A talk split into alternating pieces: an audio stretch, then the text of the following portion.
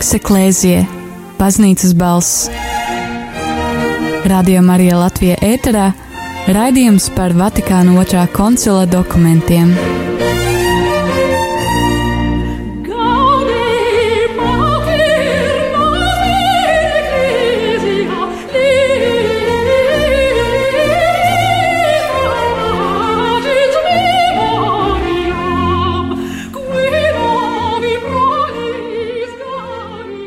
Slavēts Jēzus Kristus, Radio Marija Latvija klausītāji. Ir pirmdiena, 10. aprīlis, un ar tevi ētrās mēs, priesteris Pēteris Skudra, un kā parasti šajā dienā, katru otro pirmdienu, mēs tiekamies raidījumā Voks Eklēzija, tāds uh, sarežģīts uh, nosaukums, kuru latviešu valodā mēs uh, neatrodam, bet uh, tas ir latīņu vārds, vai, teiksim, tā latīņu izteiciens, kas apzīmē baznīcas balss. Uh, Voks balss un eklēzija baznīcas, tātad baznīcas balss, un šajā raidījumā mēs runājam par Vatikāna otrā koncila dokumentiem. Kas tie tādi ir? Uh, mēs runājām pirmajā raidījumā, janvāra vidū, kad uh, kopā ar priesteri Edgaru uh, mēģinājām saprast, kas tas Vatikāna otrais koncils koncils tāds bija un kāpēc ir šie dokumenti, kuri tad pamatā centās mūsdienu saprotamā valodā, mūsdienu kultūrai atbilstošā veidā izskaidrot baznīcas mācību cilvēkiem, kas dzīvo šodien, kas to vēlas saprast. Arī mums katoļiem, arī mums kristiešiem ir vērtīgi iedziļināties šajos dokumentos un saprast gan to, kas ir pati baznīca, gan kādas ir baznīcas attiecības ar citām reliģijām, kā mēs to pārdomājām pirms divām nedēļām kopā ar doktoru Inesi, kura mums pastāstīja gan par baznīcas mācību attiecībās ar citām reliģijām, gan arī ar citām konfesijām. Šoreiz mums ciemos ir Rarzī direktori par to, kas ir Rarzī, varbūt ļaus viņai pašai paskaidrot. Žanete Narkeviča priecājos šeit redzēt. Slavēts Jēzus Kristus. Mūžīgi mūžam slavēts. Uh, tad kas ir tā augstskola, kurā tu strādā? Um, tā ir um, katoliska augstskola, kas ir atvērta ne tikai katoļiem, bet visiem kristiešiem un tiem cilvēkiem, kas meklē patiesību, kas meklē dievu. Un e, šī augstskola pašlaik atrodas jau katoļu ielā 16 līdzās e, garīgajam semināram un teoloģijas institūtam. Un um, mūsu augstskolas pilnais nosaukums ir ļoti garš, un cilvēki parasti nevar izrunāt un atcerēties. Bet pilnais nosaukums ir Rīgas augstākais reliģijas zinātņu institūts, un uh, mēs ļoti lepojamies un um, um arī izjūtam mūsu augstskolas nozīmi tajā, ka šī augstskola ir saistīta arī ar Latviju, proti ar Latviju universitāti, kas ir katoliska universitāte. Un, tātad mūsu akadēmiskie un izglītības standarti tiek samēroti tieši ar šo Latviju universitāti.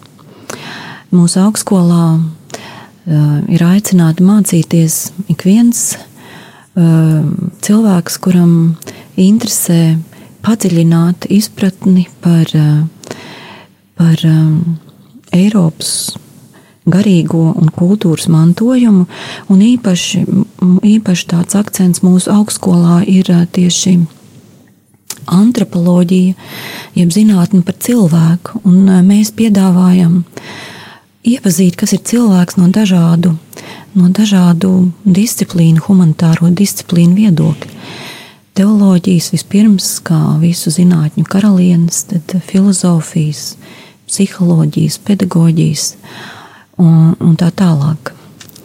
Un, uh, mēs piedāvājam studijas uh, gan bakalaura um, līmenī, gan maģistratūrā, gan arī mūža izglītībā cilvēkiem, kuri varbūt negrib iegūt tādus akadēmiskus grādus, bet uh, vēlas uh, patiešām visu mūžu garumā studēt, padziļināt izpratni par baznīcas mācību. Tas nozīmē, ka viņi visu mūžu iet uz skolu un maksā par nodarbībām?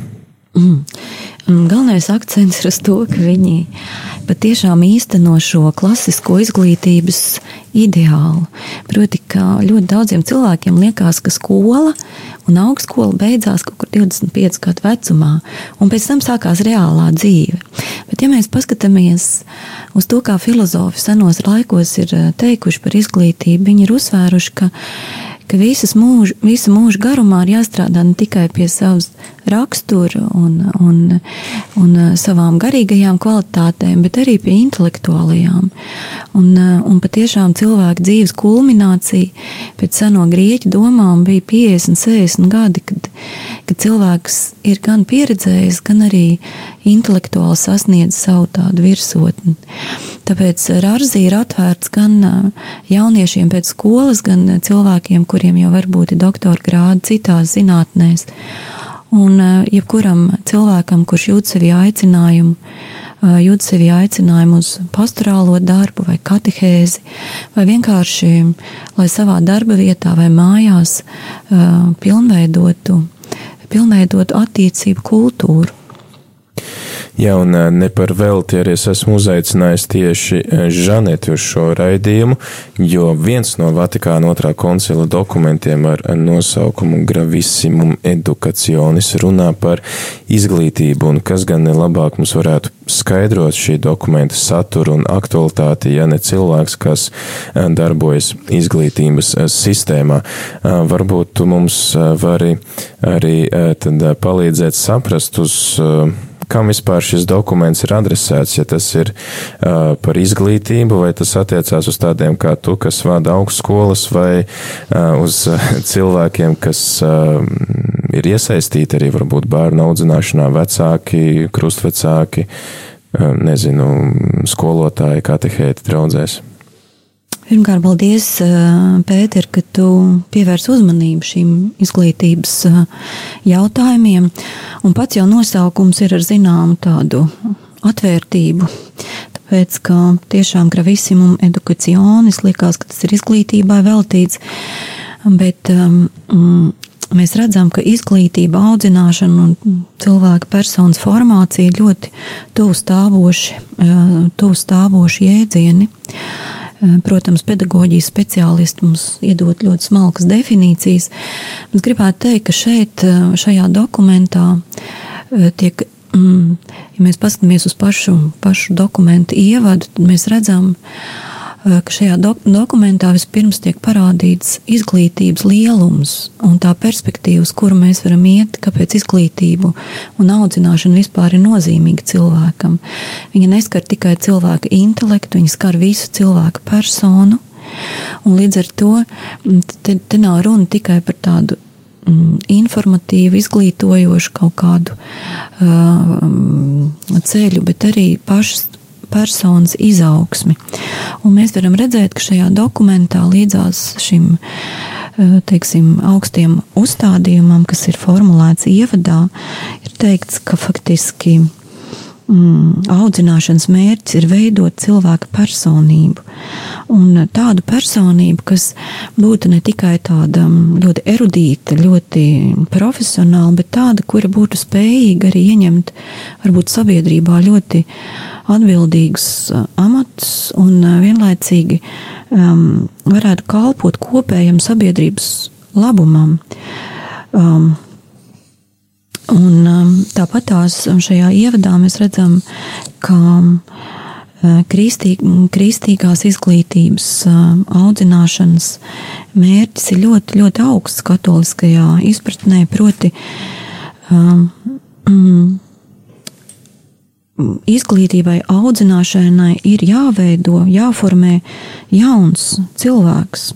Jauns cilvēks, viņam ir jāpār, tā izglītībai ir jāspēj pārveidot viņa dzīvi tā, ka viņš patiešām, kā, kā ir arī teikts otrajā punktā, šajā ievadā, ka viņš kļūst par jaunu cilvēku taisnībā un patiesības svētumā. Tie ir ļoti tādi um, skaisti vārti, un tāpat tās šis dokuments aicina uz tādu um, ļoti augstu aicinājumu uz um, faktiski cilvēka pilnības mēru. Tad visas dzīves garumā mums jāsako ir Kristus pilnības mērā, un tad, tad uh, šīs šīs debesis, šī, šis horizons, viņš ir ļoti, ļoti augsts. Un, un būtībā šis dokuments ir veltīts vispirmām kārtām um, vecākiem, kas ir pirmie audzinātāji, pirmie bērnu formatori, kas rūpējas par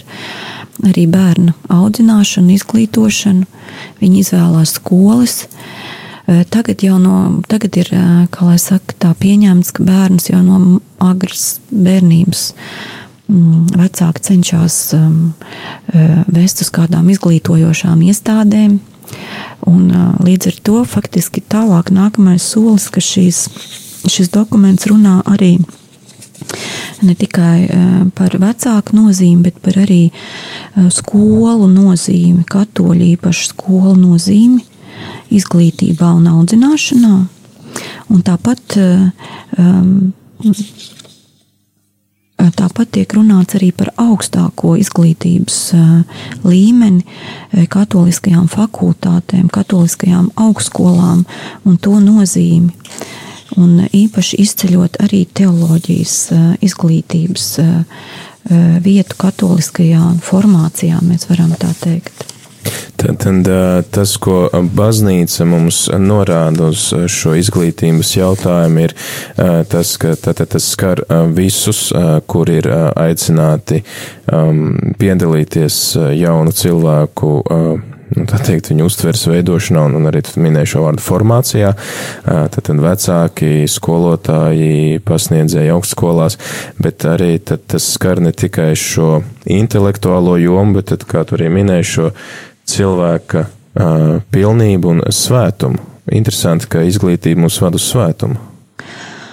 Um, jā, mēs pat varam paņemt um, ļoti vēl dziļāk, vēl plašāk šo mm, izglītības um, ideālu nozīmi, vēl pat um, antīkajā kultūrā, kas arī varbūt šis formulējums ir tūs arī kristietībai, uh, filozofs Platons, uh, viņš uh, faktiski uzliek šo augsto standartu priekš nākamajiem gadsimtiem visai Eiropas kultūrai.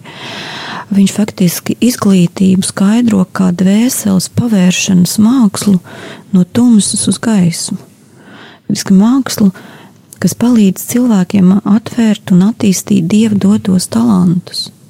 Tad, tad um, viņš kā ļoti simboliski, ļoti dziļi noformulē, proti, faktiski šo ceļu, izglītības ceļu, kā iziešanu no varbūt, ja lasītājs ir iepazinies ar šo klasisko Platona darbu valsts, kur ir šis slavenais alas mīts, kur cilvēki ir it kā alā noslēgti, viņi atrodas tādā kā mikrēslī tumsā, e, tad lūk, šis pavēršanās ceļš pret uz gaismu ir cilvēka visas dzīves uzdevums um, iziešana no šīs ierobežotās alas, mīkrēšļa, tādas pustums um, pretim gaismai, patiesības gaismai, kas spēj pārveidot visa cilvēka personību.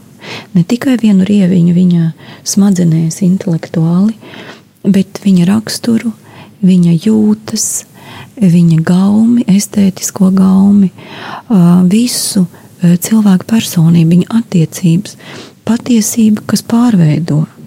Lūk, te ir tas spēks visu personību, ne tikai kādu viņa vienu uh, kvalitāti.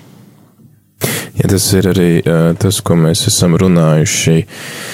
Um, Es tagad neatceros, kuru no pāvesta Franciska. Ah, tas bija Laudātu Sī. Jā, mēs lasījām pagājušo vasarā klausītājiem, tad pāvests Francisks bieži atkārtoja Benedita 16. vārdus, ka šis integrālais skatījums uz cilvēku, integrāls, kas nozīmē tāds visaptvarošs, kas skatās gan uz viņa attiecībām ar Dievu, viņa attiecībām pašam ar sevi, attiecībām ar citiem cilvēkiem, ar dabu viņam apkārt, ka tas ir tāds viens vesels. Un um, tad uh, izglītības sistēmai arī vajadzētu tā kā nosekt visus, visas šīs jomas, jo izglītojoties, piemēram, arī matemātikā, man ir jāsaprot, kā tas var ietekmēt manas attiecības ar citiem cilvēkiem vai, piemēram, saskatīt dieva skaistumu dabas likumos.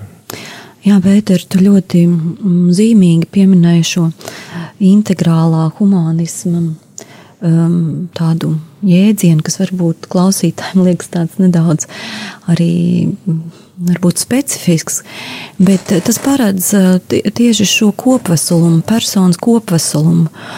Un arī, arī pāvests Emeritus Benedikts 16.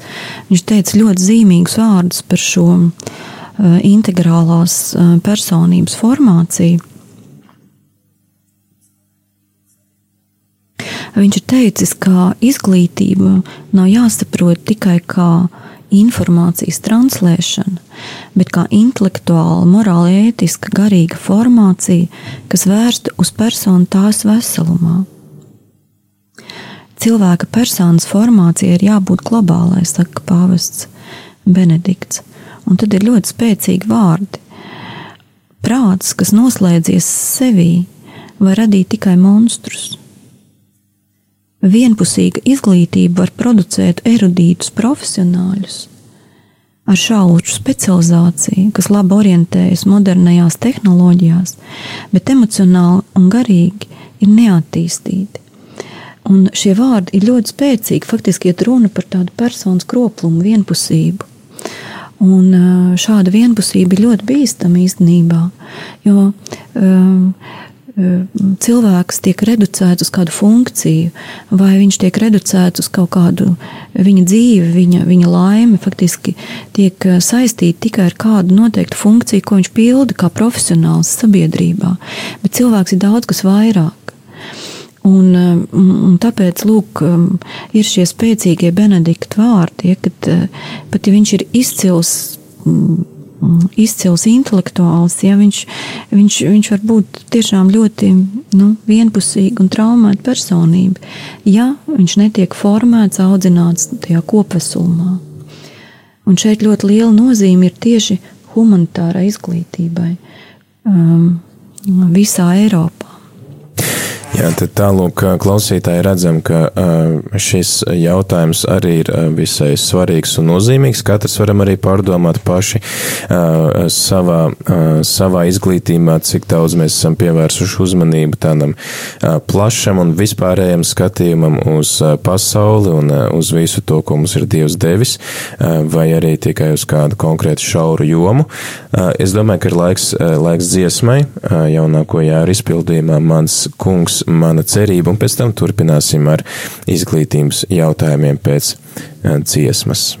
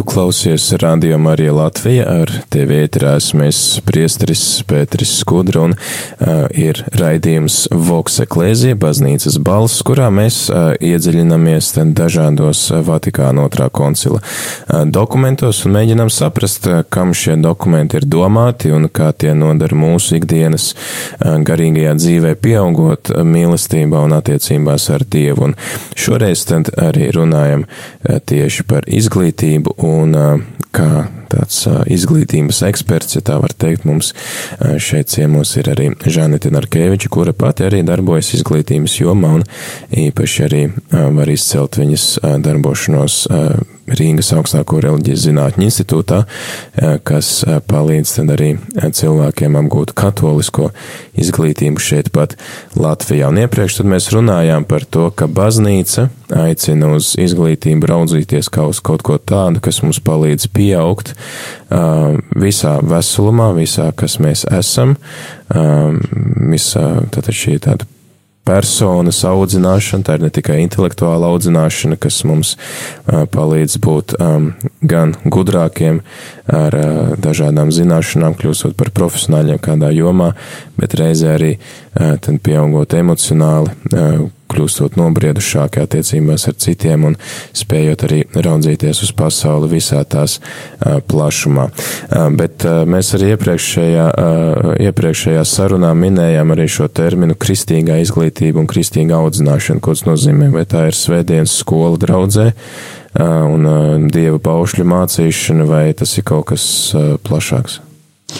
Gan, gan, jo kristīgā izglītība ietver uh, sevī gan šo institucionālo līmeni, un uh, tiešām baznīca uh, visā pasaulē, un īpaši Eiropā, kur mēs redzam tiešām, ka, uh, ka kristietība ir um, formējusi visu izglītības, izglītības um, kultūru gadsimtiem ilgi. Faktiski mēs redzam, ka um, gan benediktīniešu ordenis, gan jezuīti, gan, uh, gan te varētu minēt daudz citus, ir patiešām um, ordeņus, ir um, patiešām devusi ļoti lielu izglītību tieši um, lielu nu, ieguldījumu tieši izglītības um, formācijā Eiropā.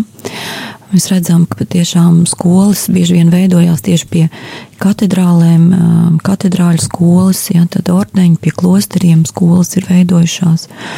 Un patiešām baznīca vienmēr ir ļoti rūpējusies par šo izglītību, un institucionālā līmenī patiešām baznīca aicina veidot um, um, tādu kā vienotu izglītības tādu um, ceļu, ko var jauns cilvēks, bērns faktiski uzsākt jau bērndārzā, tad varbūt iziet arī caur katehēzi pie draudzes, pēc tam viņš var doties uz eh, kristīgu skolu un, eh, un, un tā tālāk līdz pat augstākajam, um, augstākās izglītības līmenim. Tā kā, jā, patiešām ir, um, šeit ir ļoti plašas iespējas un baznīca uz visām šīm iespējām norāda arī institucionālā līmenī.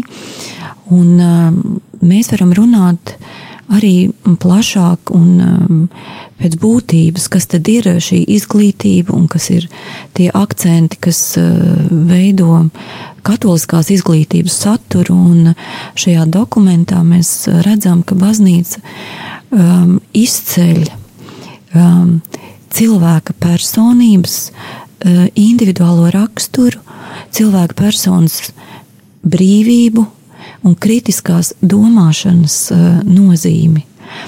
Un tie ir tādi varbūt um, antropoloģiski pamati, uz kuriem veidojas kristīgā izglītība, bet man gribētos cerēt, ka arī nu, mēs varētu teikt, šī sekulārā izglītība, kas nav tieši saistīta varbūt ar baznīcu, ka viņa tajā vai citā pakāpē arī ņem vērā šos principus.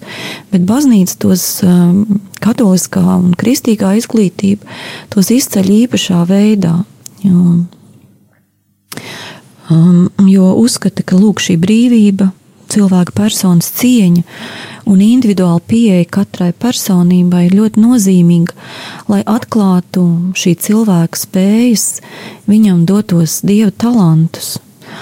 Un eh, tāpēc arī mm, gan skolās, gan augstskolās līdzās tādai um, profesionālai un um, intelektuālai izglītībai līdzās iet arī um, šī rakstura izglītība, um, darbs pie cilvēka garīgās un tādas morālās formācijas.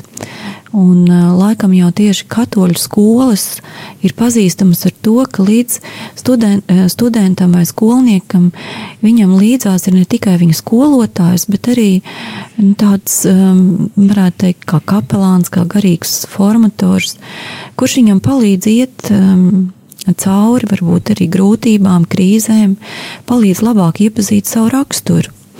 Un es savā pedagoģiskā pieredzē esmu saskārusies bieži, ar, ar tādu novērojumu, ka bieži vien ļoti mm, apdāvināti vai mākslā, vai intelektuāli cilvēki jauni. Uh, viņos ir arī lielāks izaicinājums, lielākas ambīcijas, un viņiem varbūt šīs krīzes, ar kurām cilvēks iet, ir daudz eh, dziļākas un um, grūtāk pārvaramas. Tāpēc ir ļoti nozīmīgs šādu, šāds um, um, jūtu un uh, garīgais briedums um, um, cilvēkā, lai viņš nesalūst grūtību priekšā, jo pasaule tā kā mūs aicina uz tādu uh, veiksms un, eh, un karjeras kultūra, ja, bet mēs labi saprotam, ka, ka dzīve jau nav tikai veiksms stāsts, ka mm, cilvēks, cilvēkam ir dabiski attīstīties, ejot caur grūtībām, caur krīzēm. Šie izaicinājumi mūs veido par eh, viņu mūs it kā virza uz priekšu. Un ir ļoti svarīgi, lai mēs šajās krīzēs vienkārši nesalūstu, neapstātos, nezaudētu ticību sev mm, un, un tam mērķim, augstākam mērķim, uz kuru mēs ejam dzīvēm.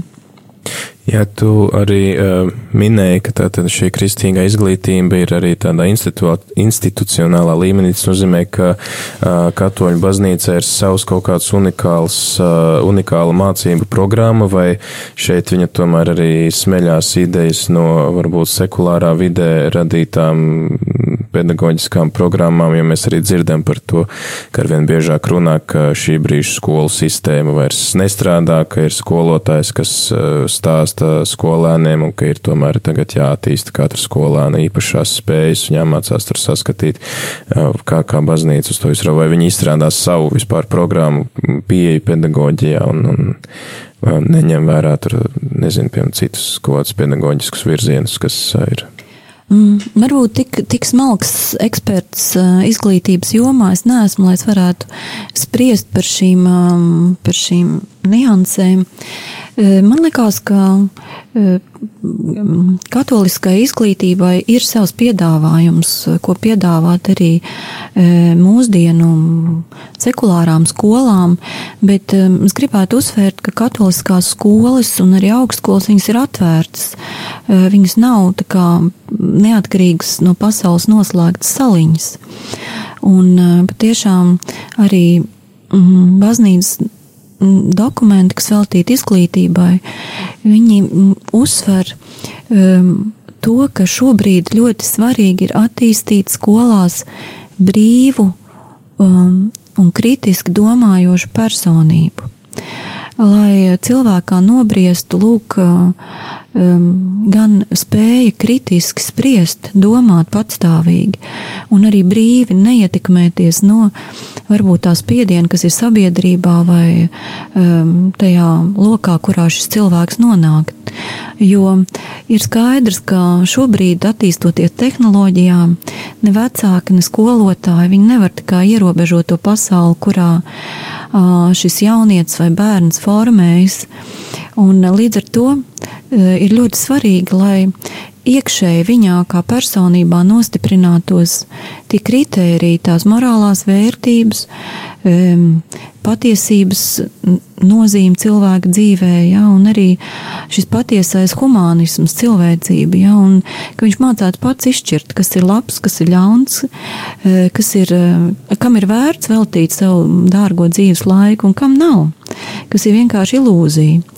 Un, e, lūk, kritiskas domājošas personības nozīme, un arī tādas personības, kurai ir atvērta un mīlestības pilna sirds, lūk, šī personība ir katoliskās izglītības tāds ideāls.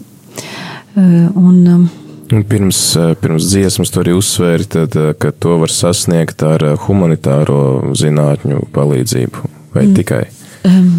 Ne tikai es domāju, ka patiesība jau ir ļoti plašs tāds jēdziens. Viņas skar arī, arī šīs, ja mēs runājam šo, par šo nošķīrumu humanitārās un eksaktās zinātnes. Um, arī šeit um, mēs varam runāt par šo intelektuālo piepūli, arī eksakto zinātņu jomā ceļā uz patiesību. Ja? Bet um, šobrīd tieši humanitārās zinātnes tiek it kā pazemotas. Viņām ir jācīnās par savu pastāvēšanu, jo viņām it kā ir jākonkurē ar tehniskām un dabas zinātnēm. Jo šīs tehniskās un dabas zinātnes dod tādu um, lielāku ieguldījumu tieši šīs materiālās kultūras attīstīšanā. Un, um, un Bet līdzās šīm tehniskām un dabas zinātnēm nedrīkst noniecināt humanitāro zinātņu nozīmi. Tā būtu filozofija, teoloģija. Filozofija, teoloģija, literatūra. Um, Pedagoģija, psiholoģija. Kur mēs varētu sportu likt tajā visā? Um, Mm. Ko arī bieži vien saka, bieži vien cilvēki aizmirst, ka tas arī ir diezgan svarīgs mūsu smadzeņu darbībai un tiem, kas matemātiku pilda um, vai, vai lasa. Es domāju, Platons ir ierādījis ļoti nozīmīgu vietu sportam. Ja viņš ir teicis, ka, kad viņš dibināja pirmo akadēmiju Eiropas vēsturē, tad viņš um, uzskatīja, ka ir um, trīs lietas ļoti svarīgas. Uh, ir, um, fiziskās nodarbības, jeb sports. Jo sports um, tātad uh, uztur ne tikai mūsu fizisko kondīciju, tātad uh, fizisko, fiziskās spējas, bet arī norūda raksturu izturību. Ja?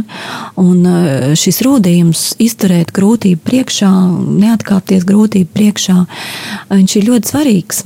Tāpēc sports um, ir ļoti nozīmīgs formācijas daļa.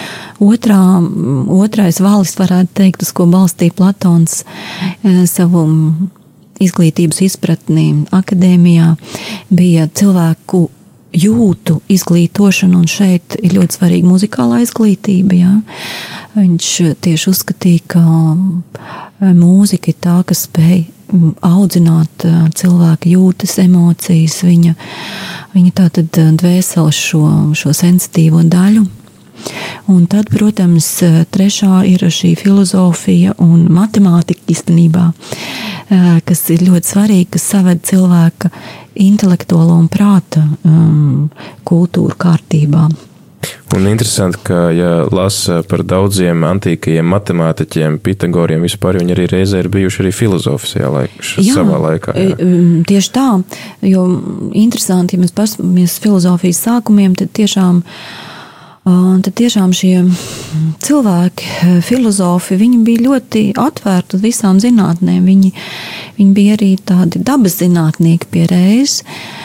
Tā, viņi nu, aizgāja šo izkopšu arī filozofijas. Um, um, uh, filozofijas ceļu, bet es gribēju atgriezties šo, pie, pie, pie tava jautājuma par humanitārajām disciplīnām. Mēs varam vaicāt, kādu tautsaimniecībā labumu mums var dot teoloģija vai filozofija. Viņi jau tikai kaut ko prāto un domā, tā kā ziloņkāla tornī. Kāpēc mums sabiedrībā tas ir vajadzīgs? Teiksim, zemēs kā Francija, Vācija vai varbūt Itālija, kur ir ļoti sena un pašsaprotama šo disciplīnu nozīme izglītībā, arī tur tas, šīs disciplīnas piedzīvo zinām krīzi. Bet Latvijā, kur varbūt tas nav tik pašsaprotami, jā, tad, ka, lūk, filozofija, teoloģija, tās ļoti būtisks izglītības, um, izglītības jomā šīs disciplīnas tad mēs varam vaicāt, nu, lūk, tehniskās un dabas zinātnes, viņas varbūt dod šo pieaugumu ekonomikā un materiālās kultūras attīstīšanā. Kāds labums, ka ir šī teoloģija, filozofija vai citas humanitārās zinātnes? Un mēs varētu teikt, ka, lūk, ka patiešām ja tā ar ne, nelielu ironiju to saku, humanitāro disciplīnu produkcija ir intelektuālā kultūra. Un Ehm, tieši šīs humanitārās ehm, disciplīnas viņas var um, veidot domājošas personības, domājošu sabiedrību, kura nav viegli manipulējama. Nevis bezdomu būtnes, kas seko ideoloģiskiem standartiem, ideoloģiski, politiski manipulējumiem standartiem. Bez tam Katoliskā baznīca vienmēr ir uzsvērusi, cik svarīgi izglītībā ir um, iedziļināties kultūras mantojumā, bet diemžēl um, šī brīža um, humanitārās um, um, disciplīnās ir diezgan liela krīze, un faktiski zūd spēja uh, paņemt uh, un um, pārņemt šo mantojumu, lasīt, studēt šos tekstus, ja, tad, tad tas iet mazumā. Mēs vairāk aizraujamies ar jaunām tehnoloģijām, jaunām metodēm, bet lūk, spēja iedziļināties, saprast šos tekstus, kas ir veidojuši mūsu kultūru, mums viņas pazūd. Mums pazūd šī spriestspēja un arī šīs hermenētiskās tekstu skaidrošanas prasmes. Vispār lasīšanas kultūra atkāpjas. Mums tagad ir vairāk šī podziņa kultūra, kad mēs piespiežam mm, datorā vai savā mm, telefonā kādu podziņu, un mums parādās seiņa, un mēs izsakām visu savu dvēseli ar vienu smaidiņu vai kādu raudošu asariņu, kas parādās uz, uz tā ģimenes. Atgriežamies senās Ēģiptes līmenī, kad ar, ar nu, bildītēm sazinājās.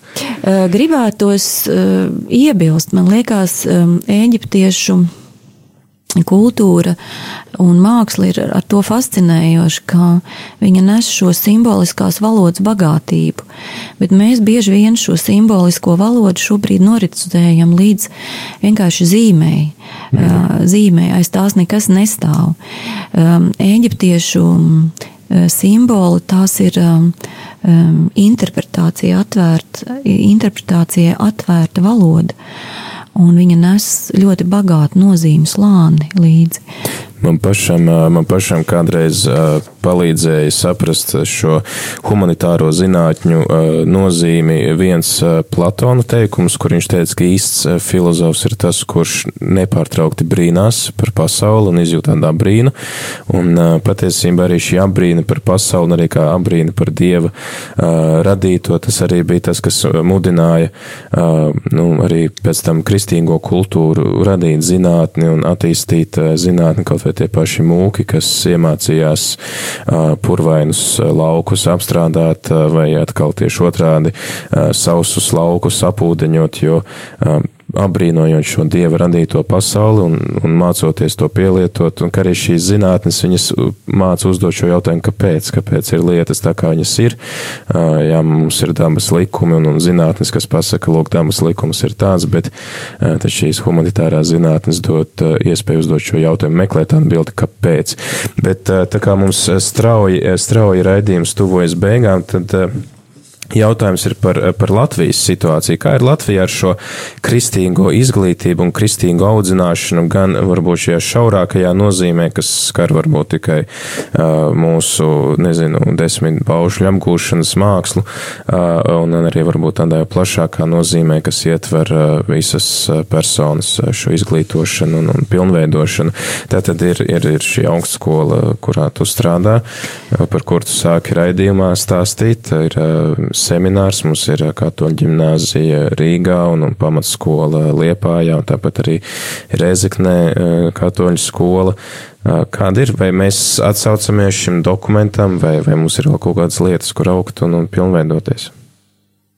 Es domāju, ka mēs esam ceļā. Mēs esam ceļā uz to, lai, lūk, tevis minētās institūcijas, skolas, lai viņas patiešām um, iet uz priekšu, attīstītos un uh, veidot tādu patiešām aizvien pilnīgāku un vienotu katoliskās izglītības vidi. Jo šobrīd tas ir ļoti, ļoti aktuāli, jo īstenībā um, ne kristīgajās, ne katoļu skolās. Kristīgās mācības priekšmeti tiek aizstāti vienkārši sociālo zinātņu ciklu, un tāpēc Latvijas bīskapiem ir aizvien lielāka atbildība un arī jāuzņemās aizvien lielāks rūpes par to, lai veidotos stabila, ilgtspējīga katoliska izglītība Latvijā Un eh, lai patiešām kristiešiem būtu vieta, kur, um, kur um, sūtīt savus bērnus, kur pašiem pieaugt, um, pieaugt um, ticībā, izpratnē par baznīcas mācību. Um, mēs esam ceļā un mēs patiešām um, aicinam uh, pārdomāt um, vecākus, uh, par to, kādā vidē aug viņu bērni un ko viņi sagaida no skolas, no bērndārza, no par jauniešiem runājot, no, no augstskolām, jo tā ir vieta, kur, kur bērni pavada ļoti daudz laika no savas dzīves. Un eh, patiešām eh, tā, tas ir liels arī tādu iespēju laiks. Un katoliskās, eh, īpaši šīs katoliskās skoliņas, viņas nav lielas, viņas tādas kā tagad ir šīs varbūt centra, centra skolas Rīgā. Viņas piedāvā ļoti individuālu un kvalitatīvu pieeju katram cilvēkam. Patiešām skolotāji jau tagad, un arī formatori cenšas tātad eh, iedziļināties katrā personībā, katra bērna, mm, katra bērna īpašajās vajadzībās. Tāpat arī mm, augstskolā es domāju, ka ir ļoti labvēlīga šī vide, un eh, kurā mēs varam izglītot ne tikai savu prātu, bet arī savu sirdi.